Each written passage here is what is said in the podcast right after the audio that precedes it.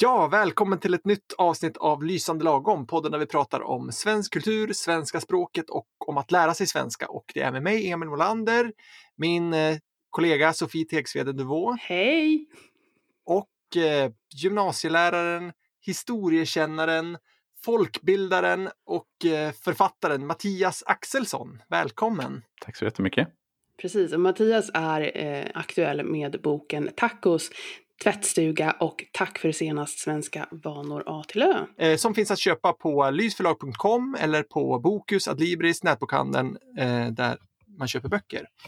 Eh, vi ska prata lite mer om den boken sen, men det vi, som egentligen är ämnet för dagen är mat och dryck svensk mat och svensk dryck framförallt. Du är ju här i egenskap av expert Mattias, och vad vi undrar är liksom, vad, vad är det som är typiskt för svensk mat? Finns det något som är svensk mat? Ja, alltså det där är ju en jättestor fråga, eh, vad som är svensk mat. Alltså, ska man ta det väldigt enkelt så kan man säga att svensk mat det är den mat vi äter i Sverige. Mm. Men det är ju ett ganska tråkigt svar eh, att ge och det är väl inte liksom det vi tänker när vi tänker svensk mat.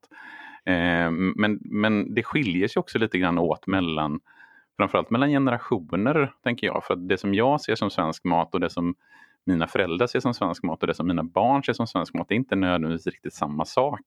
Utan det finns ju massa olika saker som vi skulle kunna definiera som svensk mat. Vad är det för mat då till exempel som dina föräldrar tycker är svensk som du inte tycker är svensk? Ja, alltså det, det jag tänker att mina föräldrar tänker är svensk mat. Eh, det är det här man kanske lite nedsättande brukar kalla för eh, den bruna maten, alltså potatis, kött och brunsås. Mm. Den bruna maten har ju liksom lite kommit i, i vanrykte, framförallt eh, eh, någonstans under sent 80-90-tal. Sen så fick ju den lite grann någonstans en kult-revival under vad ska man säga, 2000 talets mitt, eller någonstans början, mitten på 00-talet, början på 10-talet där. Med det här programmet Landet Brunsås och sen så var den här fantastiska mm. bloggen Den bruna maten. Där något sånt där kompisgäng lagade sådana här typiska 70-talsrätter. Eh, mm. Men, men då gjorde man ju det med den här liksom lite ironiska blinkningen. Och alltså, att den här maten kan man ju inte äta på riktigt. Eh, så den, den, är ju, den är ju inte, det är inte det som jag tänker som, som svensk mat och det är framförallt inte sånt som mina barn tänker som svensk mat. Eh, sen så finns det ju saker där, till exempel men en klassisk rätt som köttbullar och potatis eh, som jag själv åt i Bamba eh, idag tillsammans med mina elever. Tror jag att de flesta, även mina barn, mina föräldrar skulle kunna tänka att det här är ganska typisk svensk mat, köttbullar. Men, men köttbullar har ju nästan fått liksom en, en roll som den svenska liksom nationalrätten, eller man kan säga. Och jag tänker liksom när man bor utomlands så kan man gå på Ikea och äta köttbullar. Varför är det just liksom köttbullar som har fått den här rollen? Är det en slump eller finns det någon liksom anledning till det tror du? Ja, alltså jag funderade, eller funderat ganska mycket på just köttbullarna för det, det, det är ju ganska, precis som du säger, någonstans lite grann arketypen för vad som är svensk mat, särskilt då via Ikea. Eh, mm. som liksom har lanserat det här som en typisk svensk rätt. Och vi har ju ätit den i Sverige ganska länge, sedan åtminstone 1700-talet. Eh, och, och, det jag tänker som gör liksom köttbullar och potatis och sås till en rätt som liksom har överlevt så pass länge, det är att den, den passar alla generationer på något sätt. Den funkar, alltså barn gillar det, föräldrar kan mm. äta det. Alltså, det är inte som, som, som fiskpinnar och potatismos som man ger till barnen men man själv inte gillar det. Kött, riktigt goda köttbullar tror jag de flesta på något sätt tycker om. Eh, och, och framförallt ja. det, är en, det är en rätt som, så, som man kan eh, laga själv och den, den liksom idén om mammas köttbullar. Eh, det här minnet man liksom kan ha av ja, men så lagade min mamma köttbullar. Eh, Alltså, min mamma lagar aldrig köttbullar, vi åt ju alltid det här halv, halvfabrikatet. Mm. Men jag funderar på om det också har en, en liksom betydande roll. Att, det, att även om man inte kan liksom laga köttbullar själv så finns det ett alternativ att gå och köpa de där frysta i en påse till exempel. Ja, det är ju enkel, det är ju enkel mat att göra, eh, men, men den känns ändå rejäl på något sätt. Det känns ändå som riktig mat. Det är inte det här liksom... Men det där som du sa där, att det där, det där med att både barnen och de vuxna gillar det, är inte det liksom själva huvudingrediensen för att en maträtt ska liksom lyckas och bli populär. Det måste, barnen måste tycka om det. För annars ja, titta, är det inte tittar värt man på de, liksom, de populäraste rätterna så är det ju definitivt mat som som också barn tycker om. Att de tittar tio topplistor på, på vilka rätter som lagas mest eller vilka recept som man söker mest på på receptsidor och sånt så är det ju absolut mat som liksom är anpassade för barnen på något sätt. Givetvis är det så. Det tycker jag är jätteintressant. I, i, i med vad vi har pratat om förut, om, om liksom svensk barnuppfostran, om hur barn, liksom, det är barnen som bestämmer hemma. Så, så frågan är det så att liksom svensk mat är barnens mat, men om man åker till sig Frankrike, som jag lätt eh, hänvisar till, så är det liksom de vuxnas mat som är nationalrätten. Hypotes. Det är en väldigt intressant tanke som jag, faktiskt, som jag faktiskt inte har funderat mycket, så mycket över, men det ligger mycket i det. För att det är ju så tydligt att barnen är i centrum liksom, i svensk kultur. Man utgår väldigt mycket från barnens perspektiv.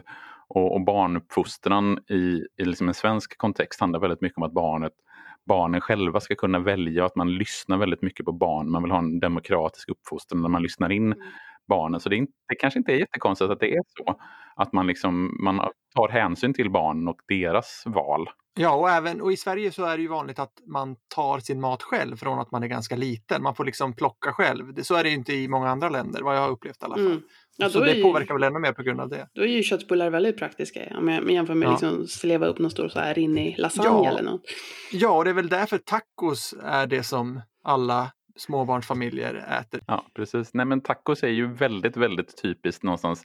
Och det är ju ingen slump att liksom titeln på min bok är tacos tvättstuga tack mm. för senast. Att liksom tacos finns med där. För ska man liksom identifiera någon typisk svensk rätt i, liksom, i, i Sverige idag så är ju tacos väldigt tydligt någonstans en svensk nationalrätt kopplad till fredagsmyset. Eh, och, och, just det här att man, man kan anpassa den väldigt mycket själv utifrån, man, man kan ta en liten starkare sås om man tycker att det är är roligt och man kan skoja till med guacamolen och ha, och ha i någon liten rolig krydda. Men samtidigt mm. så är den väldigt barnanpassad för att man kan, liksom, barnen kan också delta i tillagningen. De, de kan hacka gurkan, de kan hacka tomaten och så vidare. Och sen... Men på ett sätt är det ju jättekonstigt för att vi vet ju att tacos inte är svensk mat. Vi vet att det kommer från Mexiko eller det är någon sån här tex-mex grej där från kanske Texas eller Mexiko. Det är ju inte svenskt om man tänker så, men är det svenskt nu eller när blev det svenskt? Liksom? Ja precis, det, det, det, är precis det som är väldigt typiskt svenskt åtminstone sen ja, faktiskt från 50-60-talet egentligen. Det här att vi är väldigt öppna för influenser utifrån. Mm. Att vi, vi, liksom, vi är nyfikna på andra länders matkulturer, andra länders kulturer hänger väldigt mycket ihop med det här att vi började resa ganska tidigt i Sverige. På, redan på 50-talet hade vi de första charterresorna. Eh, vi liksom har ett välstånd i Sverige. Vi har haft ganska mycket arbetskraftsinvandring från länder med andra typer av matkulturer. Och svenskarna har generellt under åtminstone efter andra världskriget varit väldigt öppna i, kopplat till matkultur. Vi är liksom snabba på att testa nya grejer som pizza och som kebab och som sushi och thaimat och indiskt och så vidare. Och, och, där är ju tacosen, precis som du säger, den, den är ju en liksom, mexikansk grej som kom till Sverige någonstans i början på 80-talet. Jag tror 1982 är första gången som om det är Santa Maria som eh, lanserar mm. det här liksom Tex-Mex-paketet med mm. färdiga kryddblandningar och så vidare. Men är inte det liksom lite symptomatiskt för Sverige i helhet? Att vi har någon slags, jag ska säga, ibland kallar jag det för mindervärldskomplex. Att eh, även om man tittar på andra saker och inte bara mat så är ju svenskar så att säga liksom trendkänsliga och vi är liksom early adopters när det kommer till ny teknologi och sådär. Att jag tänker att, att, att, att, tror att vi, vi har en om jag jämför med Frankrike igen som har liksom, där, där man känner sig liksom att det, det, det, det, är de som är världen och resten är periferin så tror jag att vi som svenskar kanske på sätt och vis identifierar oss som ett ganska liksom perifert land och, och vi, vi, liksom, vi, vi blickar utåt hela tiden för att hänga med vad, som, vad, vad, de, vad de gör där borta liksom, där de, där de verkar göra liksom viktigare saker än vad vi håller på med. Ja, vi är ju ett litet land liksom, med en, en förhållandevis liten kultur. Alltså det svenska språket pratas ju av en liksom, väldigt liten del av världens befolkning. Och vi har liksom inget kolonialt förflutet att tala om. Visst, vi har haft några småkolonier här och där. Men vi har inte haft något, någon kolonialism på det sättet som till exempel Frankrike eller Storbritannien eller Tyskland eller Spanien eller Italien eller massa andra länder. Eh, så det är klart att det finns eh, en, en, öppning där för att vara öppna för influenser utifrån på ett helt annat sätt än många andra länder. Och ett klimat som gör att vi inte har särskilt mycket god mat, tänker jag. Ja, alltså det är framförallt kryddorna där som... Eh, ja, alltså vi, alltså om man tittar på traditionell svensk matkultur, alltså vi pratar för för industrialiseringen eller 1800-talet och tidigare. Så det är klart att där är det väldigt tydligt så att den svenska maten präglas av vårt klimat och vad vi faktiskt har möjlighet att odla i Sverige.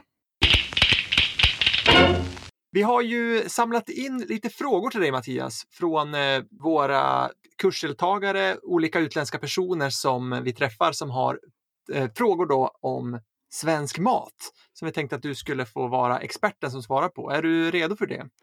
Väldigt redo och väldigt nervös här på vilka frågor som kommer. eh, ja, men den första frågan är, är ganska enkel, du har redan varit inne på det. Vilka är de vanligaste maträtterna i Sverige?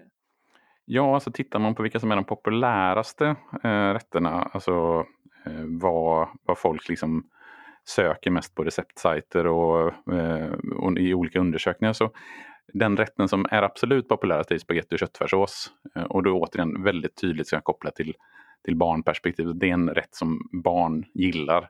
Eh, och det, den, den toppar i princip alla listor. Eh, och sen så brukar korv stroganoff, köttbullar med potatismos, Eh, lax med tillbehör är en sån rätt som ofta kommer med på topplistorna. Eh, ganska enkla rätter eh, som, som inte är liksom några speciella. Sådär. Men spagetti och köttfärssås, köttbullar, korv stroganoff skulle jag säga är de, de populäraste rätterna. Här har jag en liten reflektion. Jag tänker alltså, Sverige är ju ett land där, eh, om man pratar barnfamiljer så här, där båda föräldrar typiskt eh, jobbar. Att vi har inte den här liksom hemmafrukulturen eller att det står någon hemma liksom och fixar mat. Så jag, jag, kan tänka mig också att det finns ett behov, liksom ett ganska stort praktiskt behov att kunna laga till saker som går, går liksom snabbt att laga. Att man har den här liksom 30 minuters regeln eller vad man har hemma hos sig. Liksom. Ja, det ska vara mat som man har lagat tidigare, som man är bekväm med, som man vet att barnen gillar också. Man kan, det är liksom inte utrymme för att experimentera Nej, i, absolut. i liksom vardagsköket.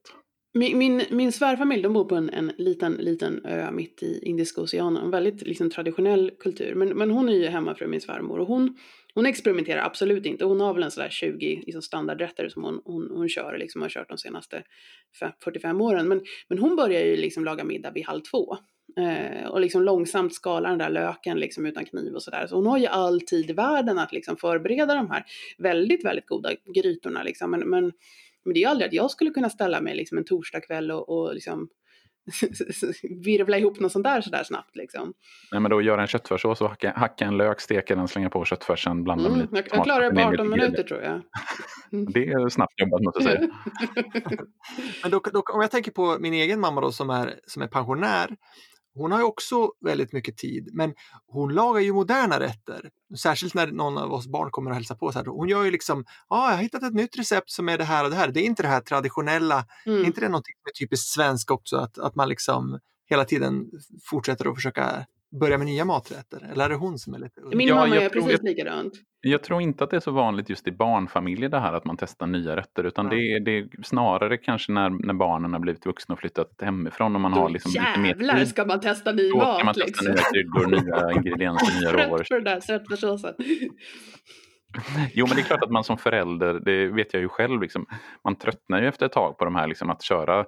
Man skulle i princip kunna göra ett schema, ett tre veckors schema där man kör samma rätter tre veckor och sen så börjar man om. Det, barnen hade varit helt okej med det. Samtidigt så blir ju det lite tråkigt om man ska köra så hela tiden. Men det, visst, det är praktiskt. Ja, barnen blir väldigt nöjda med korv och makaroner varje dag egentligen. Så att, varför, varför anstränga sig? Ja, barn är ju generellt ganska konservativa när det kommer till mat. De vill ju inte testa nya grejer. Liksom. Ja. De är ju nöjda med, men som du säger, korv, makaroner och ketchup.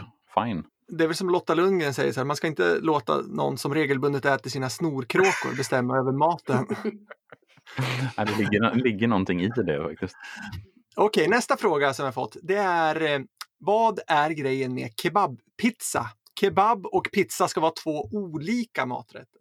Ja, ska vi liksom hitta någon typisk svensk rätt så är nog kebabpizzan väldigt typisk svensk. Det finns går, ingen annanstans. Nej, det går ju faktiskt inte att hitta eh, just den här precis som säger, kombinationen pizza, kebab och sås på. För jag pratade, ja, pratade faktiskt med mina elever som går i tvåan på gymnasiet idag när de, de, skulle, de skulle ha bambarast. För det var några som skulle gå, de ville inte gå till bamba utan de skulle gå och käka pizza istället. Då kom vi in på det här med kebabsås och en av de killarna är från Turkiet, eller hans föräldrar är från Turkiet i alla fall. Och då, då sa han det, liksom att kebabsås det är typiskt svenskt. Åker du till, till, till Turkiet och käkar kebab, du får ju aldrig sås på det sättet på, på en kebab och du får den inte på en pizza. Eh, så det, det är ju väldigt typiskt det här med kebab, eh, alltså att äta kebaben på det sättet och även pizzan. Alltså, det finns ju få ställen i världen där du får en pizza på det sättet som du får den i Sverige. Du, du kan ju inte åka till Italien och beställa en pizza. Men är inte det fantastiskt med pizzor? Att det finns så, alltså jag bodde i Skottland länge och där friterar man pizzan. Liksom. Man slänger ner den i en frityrsmed och sen får den liksom koka runt i en hink med olja. Det, men, um... ja, jag tillhör den kategorin som tycker att eh, man, man kan fritera allt så att jag är helt för den skotska varianten. men kebabpizza är väl också den mest sålda pizzan i Sverige? Det är den sorten vi äter Nej. mest av alla. Jo, det är det faktiskt. Ja, kebabpizzan toppar den här online-pizzas eh, årliga undersökningar. eh, alltid så är det kebabpizzan det är jättekonstigt för det är ju det är bara kött på den. Det är liksom ingenting mer. Lite tomatsås och kött och sås, men det är liksom ingen, ingen grönsak överhuvudtaget. Man, det finns ju lite olika varianter av kebabpizza där. Alltså den klassiska kebabpizzan, den är ju, det är ju en... Liksom, klassiska? den som vi alla känner till som den klassiska kebabpizzan. Det är ju en, en som pizzabotten, det är kebabkött och det är sås på. Sen finns det ju de här varianterna med, med sallad och gurka och tomat och sen så finns det även de med pommes på och sen så finns det lite andra varianter. Men, men jag tror att den, den vanliga kebaben, alltså med kött och sås, det är den mm. liksom mest sålda.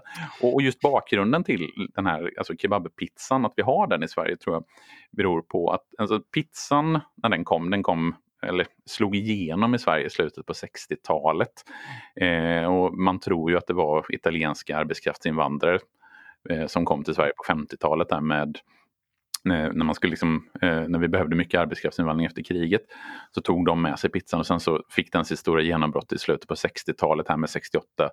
Eh, Efterkrigsgenerationen blev ungdomar eller blev vuxna och ville liksom ha ett ny, eh, nytt sätt att gå ut och äta på och då blev pizzerierna populära. Och sen så kom en ny invandringsvåg i, på 70-talet, sent 70-tal, början på 80-talet från till exempel Turkiet och Mellanöstern. Och då var det de invandrarna som tog över pizzerierna. Och det var inte ovanligt liksom att man sålde kebab och pizza på samma ställe. Och då är det inte lite konstigt att någon kommer på den här idén att slå ihop dem. Att man, nej men kan vi inte ta den här kebaben och lägga den på pizzan? Och så blir det en bra grej. Och tydligen, alltså uppenbarligen så är det någonting som svenskar gillar, att käka kebabpizza. Eh, så att, eh, och, och den kebabpizzan tror jag är belagd i Sverige någonstans där samtidigt som tacosen kommer, alltså i början på 80-talet. Men då är frågan, när tror du att liksom utländska IKEA-varuhus kommer börja servera kebabpizza? Jag tror av praktiska skäl att de inte kommer göra det just för att det, det är lättare att liksom servera frysta eller sälja frysta köttbullar eh, och så. Men, men ska man liksom prata om svenska rätter så skulle jag definitivt sätta kebabpizzan topp fem där bland typiskt svenska rätter mm. idag 2019. Nästa fråga som jag fått. Varför är det så mycket salt på allt? Finns det inga andra kryddor? Nej, det tror jag just, det finns inte så mycket andra kryddor, i alla fall historiskt. Nu finns det ju såklart, alltså nu har vi ju tillgång till eh, lika mycket kryddor som du har i vilket annat land som helst eh, och vi kan liksom importera och köpa kryddor från hela världen. Men, men, traditionellt sett så är ju Sverige ett väldigt kryddfattigt land. Alltså vi har inte, det växer liksom inte jättemycket eh, kryddor i Sverige, eh, vilket gör att den traditionella svenska maten, om vi då pratar tidigare, så före eh, liksom krigen på 1800-talet, den maten är ju oerhört kryddsvag. Alltså där är det ju salt som är kryddan. Mm. Eh, och det... Men har inte det också att göra med den här liksom, äh, att vi behövde konservera saker genom att liksom salta in? Att, äh, I och med att vi hade så långa vintrar och inte kunde liksom förvara mat på så olika sätt jo, så behövde man salta. Saltningen är ju en, är absolut en konserveringsmetod också. Eh, men just, jag tänk, tror framförallt att det har med avsaknaden av andra kryddor som gör mm. att vi, liksom, vi använder salt och ibland att man överdriver saltandet enligt de som inte är vana eh, vid salt. Jag vet att min mormor hade ju alltid alldeles för mycket salt på allting tyckte jag. Eh, det var liksom enorma mängder salt. salt. Men hon tyckte ju liksom att det var ju så hon var uppvuxen, det var ju så hon var van vid maten. Och man liksom man, man, man är ju lärd på ett sätt vad man tycker om. Det är ju ingenting som kommer sig naturligt vad man tycker om utan det är någonting Mm. man lär sig med i barndomen och uppfostran. När vi ändå pratar om salt, och så en fråga som också är väldigt vanligt. Varför äter man surströmming? Hur är det relaterat till salt? Det smakar supersalt. Jag Ja. märker att du aldrig har ätit surströmming. Det, är- det är det enda det smakar. Det smakar bara salt. Ja, alltså surströmmingen det är ju också där precis som saltet en konserveringsmetod. Liksom att man, man, man konserverar den här surströmmingen och det är ju en rätt som man inte liksom äter som vardagsmat på något sätt utan det är ju väldigt tydligt sån här festmåltid. Eh, om man nu ska kalla den, den. De som inte gillar surströmming tycker absolut inte att det är en festmåltid. Men man äter den traditionellt, man äter den på ett visst datum eller åtminstone en viss månad i augusti. Eh, och precis som kräftorna så äter man dem i augusti. Eh, och anledningen till att man äter dem just då det är ju för att eh, tidigare, tror det fram till slutet på 1900-talet, så fanns det väldigt tydliga regler, det fanns lagar för hur man fick sälja och när man fick börja sälja surströmmingen och då fick man börja sälja den eh, tredje torsdagen i augusti och då blir det naturligt att det blir surströmmingspremiären, det är då man liksom öppnar burken, det är då man äter den. Och, och jag tänker att just surströmmingen, att den eh, lever vidare, att man liksom fortfarande äter den, det är just för att den är kopplad till, liksom, till det här historiet, till det traditionella. Det är ingenting vi äter. Hade man ätit det mer frekvent så hade ju inte liksom fått den uppmärksamheten som, som det får i och med att den är kopplad till en viss månad, till ett visst, nästan till ett visst datum. Och nu i Youtube-tider kan man ju också äta den för att, för att visa hur illa det Man kan luktar. öppna den i en bil. Så. I, i en, i en liksom så comeback, jag tänker att nu börjar det så här, man ska syra sina grönsaker och liksom det är fermenterat hit och fermenterat. Alltså, ko- kommer inte liksom surströmmen börja förpackas på något liksom Nej. lite, nej. Nej, för Nej. att det luktar för illa. Det är liksom inte trevligt och, och coolt. Det är inte hipster. Man tar inte med det i matlådan till jobbet. Det är inte hipsterkompatibelt kompatibelt på det sättet. Nej, det är det inte. Nej, men just, just lukten där gör ju att det faktiskt det är svårt att äta den på ett naturligt sätt på liksom mer än att göra den vid ett specifikt tillfälle där man liksom väldigt, alla som är inbjudna är medvetna om att det är det, det, är det här vi ska göra. Man, man öppnar ju liksom, Det är precis, ingen man, överraskning. Så här. nej, man öppnar ju inte den, en surströmmingsburk på, liksom, i lunchrummet hemma. Man öppnar ju inte ens en surströmmingsburk på eh, En torsdagkväll. en torsdagkväll på balkongen. Då hade man ju förmodligen blivit vräkt. Mm. Jag, jag vet en, eh, en familj som kom hit till Sverige på 90-talet från Balkan. Och de t- tyckte det var liksom fantastiskt med det här nya landet som de hade hamnat i. Och så gick de på en mataffär och så frågade de en svensk där, ja vi är, vi är inte härifrån, vi är i nya landet. Vad kan vi köpa här som är typiskt svenskt som vi kan testa att äta? Och då var det någon som gav dem en burk surströmming och sa att det här är svenskt, testa Fy det. vad elakt det var. ja, det var lite elakt. Men, men då, här kommer min fråga då. Den som vill köpa något svenskt i mataffären laga till själv, vad ska man köpa då? Oj, det är ju en jättesvår fråga just av den anledningen att det finns så mycket som är typiskt svenskt på något sätt. Eh, alltså om vi tar de här liksom, kebabpizza och tacos. Kebabpizza är ju ingenting man lagar själv utan kebabpizza är ju väldigt typ, typiskt som någonting sånt som du köper på en pizzeria. Eh, och tacos är ju egentligen ingenting du lagar på det sättet heller utan du tillreder och liksom gör, hackar lite gurka, steker lite köttfärs och sådär. Eh, men jag skulle nog säga då att man gör, rullar sina egna köttbullar och kokar potatis och göra en god sås till. Mm. Det kan man, och lingonsylt. Då har man nog liksom ändå hittat någonting som är ganska typiskt svenskt. Nästa fråga till dig Mattias. Är kanelbullen verkligen svensk? Kanel är ju inte en svensk krydda. Nej, men själva kanelbullen i sig tror jag upplevs i alla fall som ganska svensk. Och återigen, där upplever jag den som svensk så skulle jag nog definiera den som svensk.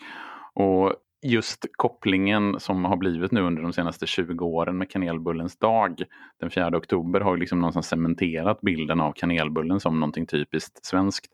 Och det går ju också kopplat till den här fikakulturen som är väldigt, alltså Mm. Swedish fika är, har ju liksom blivit ett begrepp i, i världen.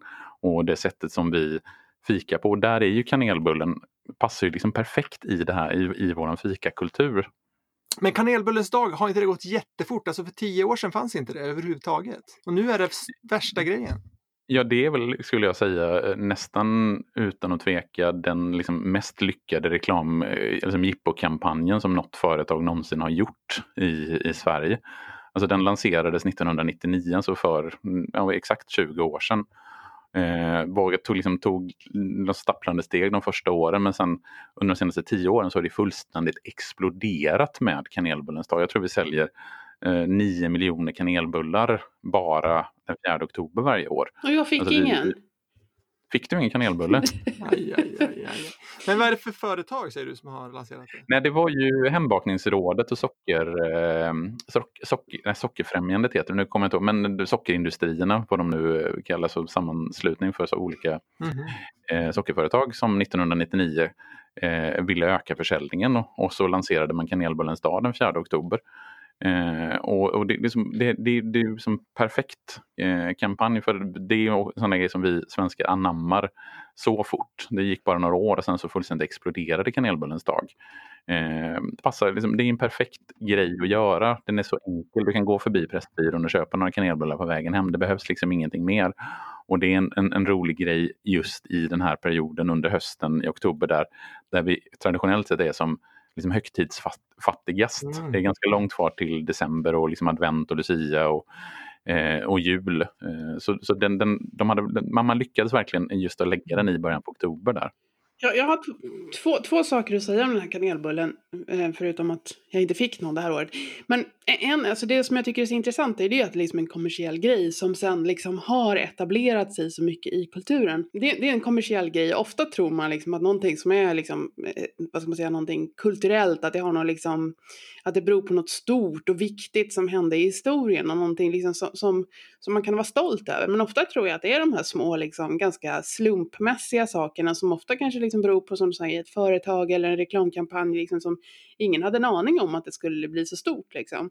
Och sen har den där liksom kanelbullen på sätt och vis tack vare det blivit någon slags liksom, nationalsymbol. Mm, och den lever liksom lite, lite sitt eget liv, kanelbullens dag. Det är inte så att den behöver lanseras utan det finns ett sug efter det. Folk liksom förväntar sig att kunna köpa kanelbullar. Precis, de vill. De vill ja. Och det finns ju jättemånga sådana exempel på eh, reklamkampanjer som har blivit eh, någonstans slagit igenom och liksom rotat sig som traditioner. Vi har ju halloween ganska snart här i slutet på oktober mm. som är som en ren kommersiell produkt från början. Även alla helgona är ju det i någon mening. Mm. Eh, som är ju en liten äldre tradition. Alla hjärtans dag är det, eh, fars dag, mors dag. Alltså det finns ju jättemånga sådana exempel på hur företag eller kommersiella intressen ligger bakom traditioner. Och sen så anammar vi för vi, vi liksom gillar det någonstans.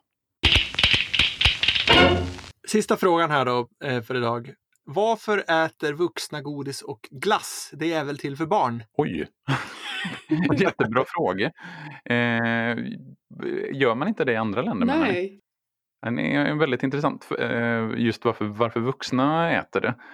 Eh, det vet jag faktiskt inte. Eh, och just det här med smågodis och så, det vet jag att det är en väldigt typiskt svensk grej. Det här med liksom plockgodis.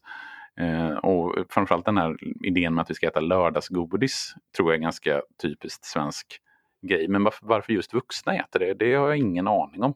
Ja, det som jag tycker är så intressant i Sverige det är liksom att man försöker hålla undan barnen från godiset. Och liksom, ja, men mitt, mitt barn äter inte socker och så vidare, håller folk på. Men, men, men det jag upplever när jag träffar folk från andra kulturer det är att man är ganska generös och liksom bjuder barnen på socker och, och bakelser och, och liksom glass och allt möjligt ganska ofta. Men, men sen liksom när man är vuxen då har man växt, växt ur det där. Liksom, och det där jag känner många som hellre liksom skulle dö än att ställa sig på ICA liksom, och fylla en, en, en påse med små, smågodis så är det så himla pinsamt. Liksom.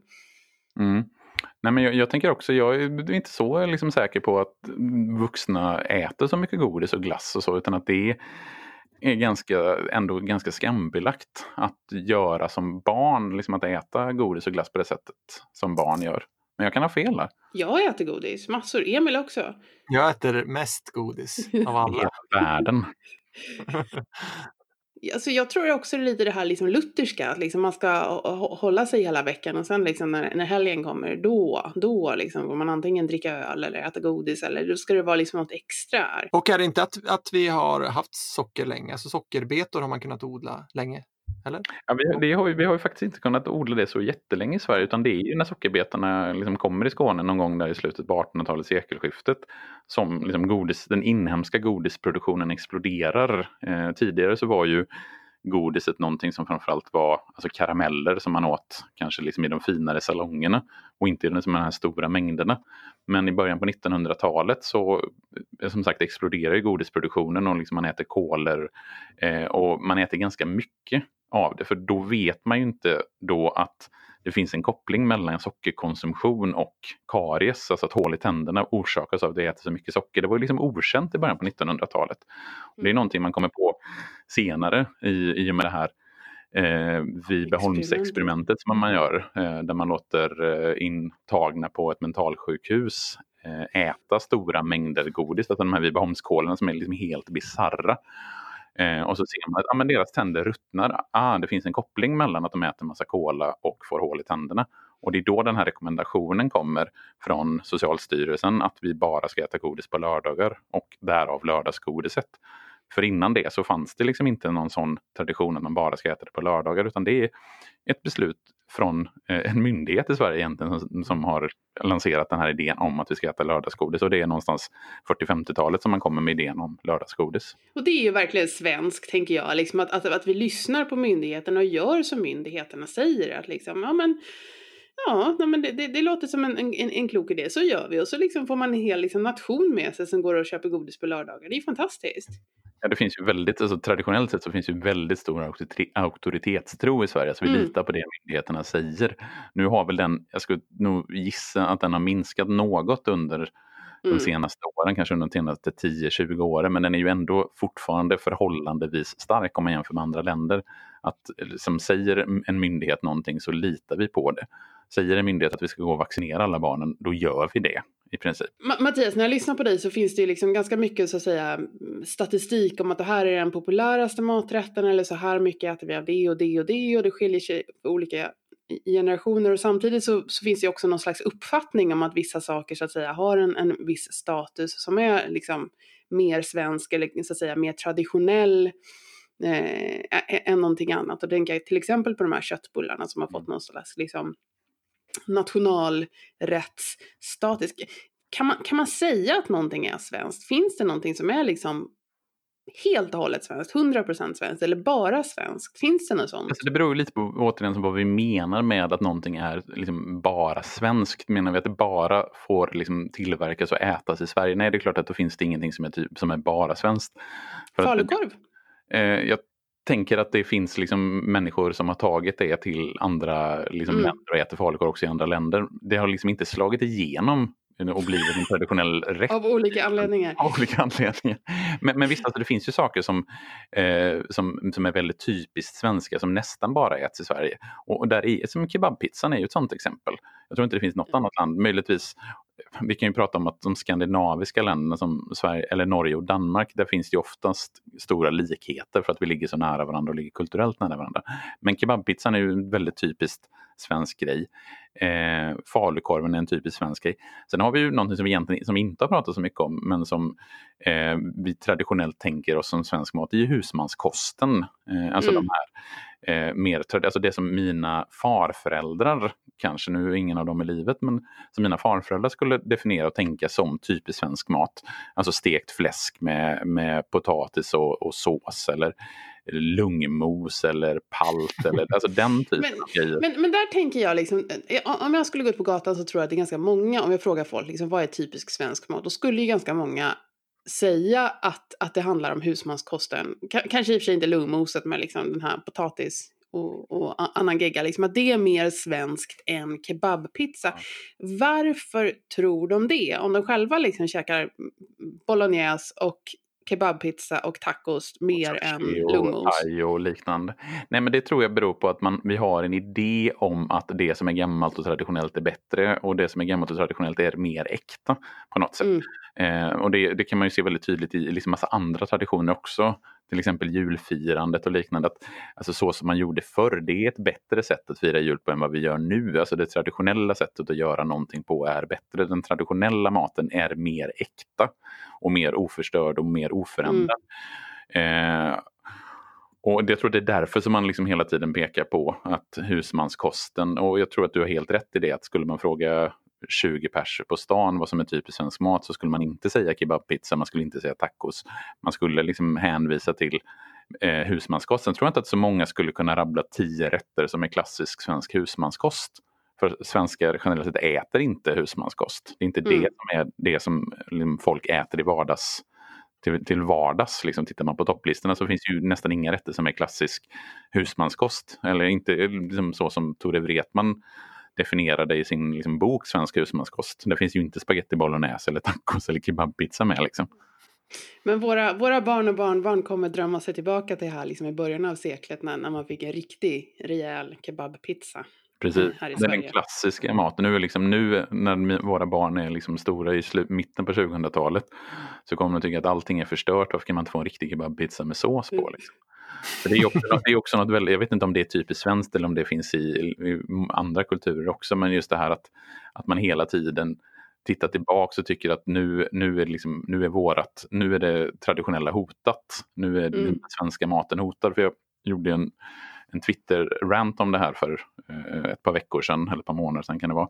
Där jag liksom gick och tittade i, i arkiven, Svenska Dagbladets arkiv och lite gamla, gamla böcker som jag har i bokhyllan hemma. Och jag liksom, det tog inte jättelång tid att leta upp från, från 20-talet, från 40-talet, från 60-talet, från 80-talet hur liksom folk på 20-talet tyckte att men den svenska maten är hotad. På 40-talet tyckte de att den svenska maten var hotad. På 60-talet så var det eh, pizzan som hotade. På 80-talet så var det kebaben. Alltså, det, hela tiden så, så tänker man sig att det finns ett hot mot den, det traditionella och, och den idén finns ju fortfarande. Den idén finns, idén finns ju idag också. Där man liksom Mm. ser att, att det svenska är hotat. Och jag tror vi behöver absolut inte vara rädda för att den svenska kulturen är hotad på något sätt. Eller den svenska maten. Och den kommer förändras. Det kommer den göra. Men vill man liksom, tycker man att lungmos är viktigt, tycker man att lungmos är en viktig del av den svenska matkulturen, då får man fan äta lungmos också. Lungmos är viktigt om man inte äter det. ja. Ska vi sluta där? Ja, Jag tycker det är gött- att sluta med lungmos ändå. Det tycker Ja. jag. Men Och en länk till recept på lungmos finns alltså eh, på vår webbsida lysförlag.com. Eh, tack Mattias för att du var med. Mattias Axelsson, författare då till Tacos tvättstuga och Tack för senast som finns att köpa i nätbokhandeln nu och även fysiska bokhandeln om man har tur.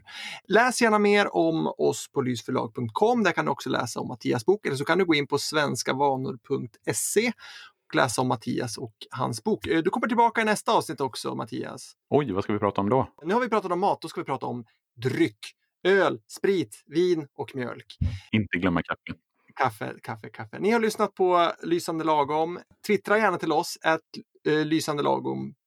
Eller gå in på vår webbsida lysförlag.com. Och ni har lyssnat på mig, Emil Molander, Mattias Axelsson och Sofie Tegsveden Duvå. tack ska ni ha. Hej då! Hej då!